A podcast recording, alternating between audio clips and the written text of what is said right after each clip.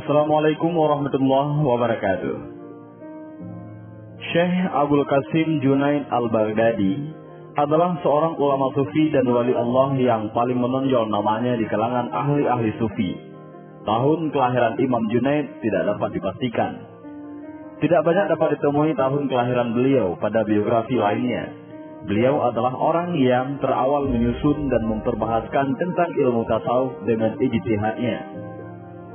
Banyak kitab-kitab yang menerangkan tentang ilmu tasawuf berdasarkan kepada ijtihad Imam Junaid Al-Baghdadi.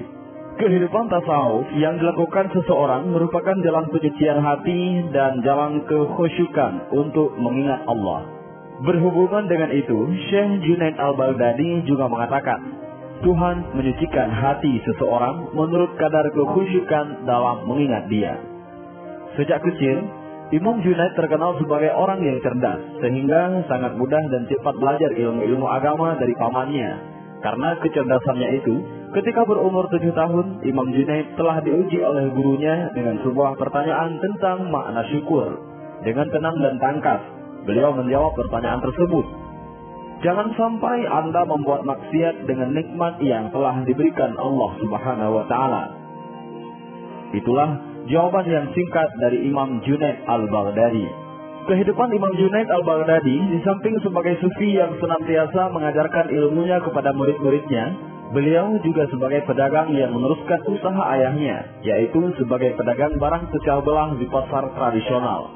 Selesai berdagang, beliau ke rumah dan mampu mengerjakan sholat dalam waktu sehari semalam sebanyak 400 rakaat.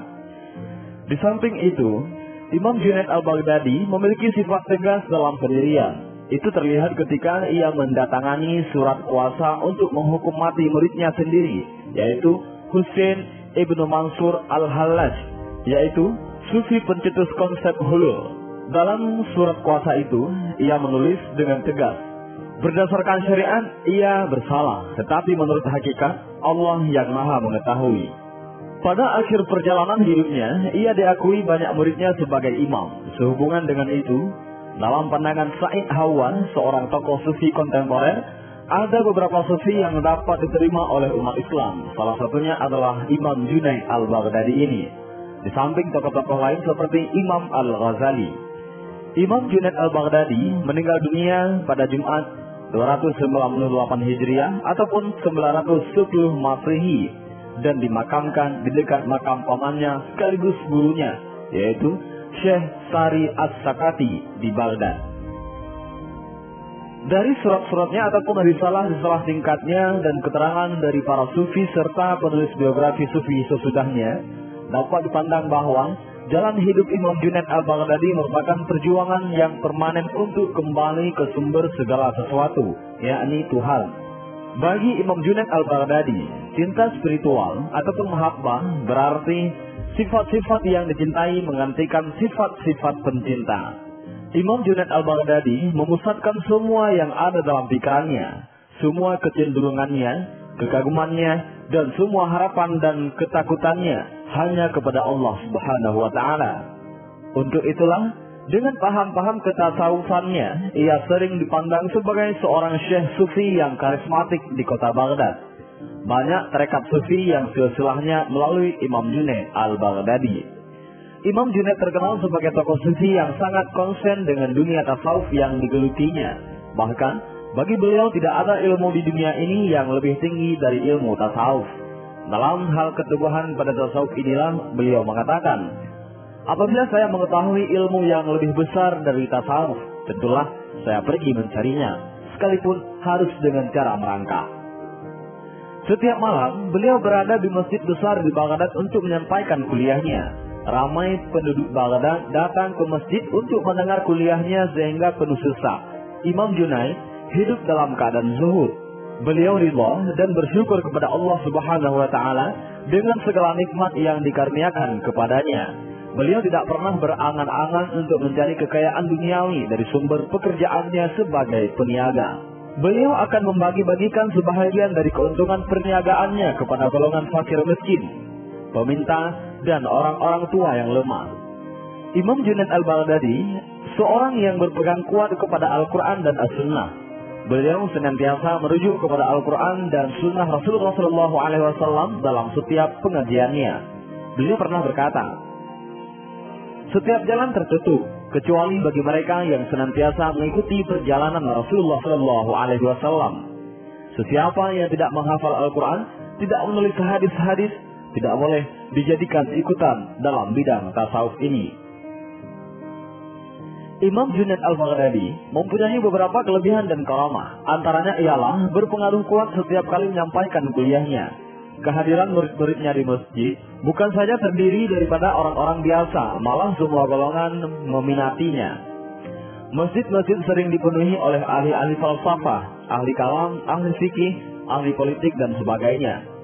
Namun begitu, beliau tidak pernah angkuh dan bangga diri dengan kelebihan tersebut. Setiap insan yang ingin mencapai keridhaan Allah selalu menerima ujian dan cobaan. Imam Junaid menerima ujian daripada beberapa orang musuhnya setelah pengaruhnya meluas. Mereka telah membuat fitnah untuk menjatuhkan image Imam Junaid. Musuh-musuhnya telah bekerja keras menghasut khalifah di masa itu agar membenci Imam Junaid. Namun, usaha mereka untuk menjatuhkan kemasyhuran Imam Junaid tidak berhasil. Musuh-musuhnya berusaha berbuat sesuatu yang boleh memalukan Imam Junaid. Pada suatu hari, mereka menyuruh seorang wanita cantik untuk memikat Imam Junaid. Wanita itu pun mendekati Imam Junaid yang sedang tekun beribadat. Ia mengajak Imam Junaid agar melakukan perbuatan yang terkutuk. Namun, wanita cantik itu hanya dikecewakan oleh Imam Junaid yang sedikit pun tidak mengangkat kepalanya. Imam Junaid meminta pertolongan dari Allah agar terhindar daripada godaan wanita itu. Beliau tidak suka ibadahnya diganggu oleh sesiapa. Beliau melepaskan satu hembusan nafasnya ke wajah wanita itu sambil membaca kalimat La ilaha illallah. Dengan takdir Tuhan, wanita cantik itu rebah ke bumi dan mati. Khalifah yang mengetahui hal itu, yaitu kematian wanita itu, telah memerahi Imam Junaid karena menganggapnya sebagai sesuatu perbuatan jenayah. Lalu, Khalifah memanggil Imam Junaid untuk memberikan penjelasan di atas perbuatannya. Mengapa engkau telah membunuh wanita ini? Tanya Khalifah. Saya bukan pembunuhnya. Bagaimana pula dengan keadaan Tuan yang diamanahkan sebagai pemimpin untuk melindungi kami? Tetapi Tuan berusaha untuk meruntuhkan amalan yang telah kami lakukan selama 40 tahun. Jawab Imam Junaid. Ada lagi satu kisah menarik tentang Imam Junaid al-Baghdadi. Yaitu, pada suatu hari, Imam Junaid al-Baghdadi duduk di Masjid Ash-Shuniziyah bersama penduduk Baghdad lainnya. Beliau menunggu beberapa jenazah yang hendak mereka salati. Di depan mata Imam Junaid, seseorang yang tampaknya ahli ibadah terlihat sedang meminta-minta. Andai saja orang ini mau bekerja hingga terhindar dari perbuatan meminta-minta, tentu lebih bagus, kata Imam Junaid dalam hatinya. Kondisi aneh terasa ketika Imam Junaid pulang dari masjid itu. Ia punya rutinitas salat dan menajat sampai menangis setiap malam. Tapi Kali ini ia benar-benar sangat berat melaksanakan semua wiridnya itu. Ulama yang juga biasa disapa Abdul Qasim ini hanya bisa bergadang sambil duduk hingga rasa kantuk menaklukkannya. Dalam gelisah, Imam Junaid pun terlelap. Tiba-tiba saja, orang fakir yang ia jumpai di Masjid Asyuniziyah itu hadir dalam mimpinya. Anehnya, si pengemis digotong para penduduk Baghdad lalu menaruhnya di atas meja makan yang panjang. Orang-orang berkata kepada Imam Junaid, Makanlah daging orang fakir ini. Sungguh, engkau telah mengumpatnya.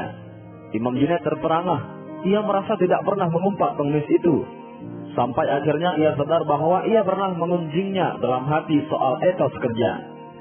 Dalam mimpi itu, Imam Junaid didesak untuk meminta maaf atas perbuatannya tersebut.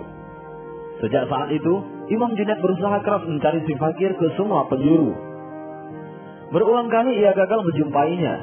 Hingga suatu ketika Imam Junaid melihatnya sedang memunguti dedaunan di atas sungai untuk dimakan. Dedaunan itu adalah sisa sayuran yang jatuh saat dicuci. Segera Imam Junaid menyapanya dan tanpa disangka keluar ungkapan balasan. Apakah engkau akan mengulanginya lagi wahai Abul Qasim? Tidak. Semoga Allah mengampuni diriku dan dirimu. Dan Kisah ini dilewatkan oleh Imam Junaid sendiri sebagaimana tertulis dalam Raudatul Raihin karya Abdul As'ad Al-Yafi'i. Imam Junaid beruntung. Peringatan untuk kesalahan kecilnya datang lewat mimpi sehingga bisa berbenah diri. Lantas, Bagaimana dengan orang-orang yang gemar mengumpat, mencela orang lain, bukan saja dalam hati, tetapi juga terang-terangan lewat lisan maupun tulisan. Setiap yang bernyawa pasti akan merasa kematian. Begitu juga dengan Syekh Imam Junaid Al-Baghdadi. Kekasih Allah itu telah menyahut panggilan ilahi pada tahun 297 Hijriah. Imam Junaid telah wafat di sisi Ash-Shibli, seorang daripada muridnya. Ketika sahabat-sahabatnya hendak mengajar kalimat tauhid, tiba-tiba Imam Junaid membuka matanya dan berkata, "Demi Allah, aku tidak pernah melupakan kalimat itu sejak lidahku pandai berkata-kata." Dan inilah sedikit kisah tentang Syekh Imam Junaid Al-Baghdadi. Mudah-mudahan kisah singkat ini menambah wawasan pengetahuan dan ilmu dan juga semoga bermanfaat. Allahu a'lam bishawab. Assalamualaikum warahmatullahi wabarakatuh.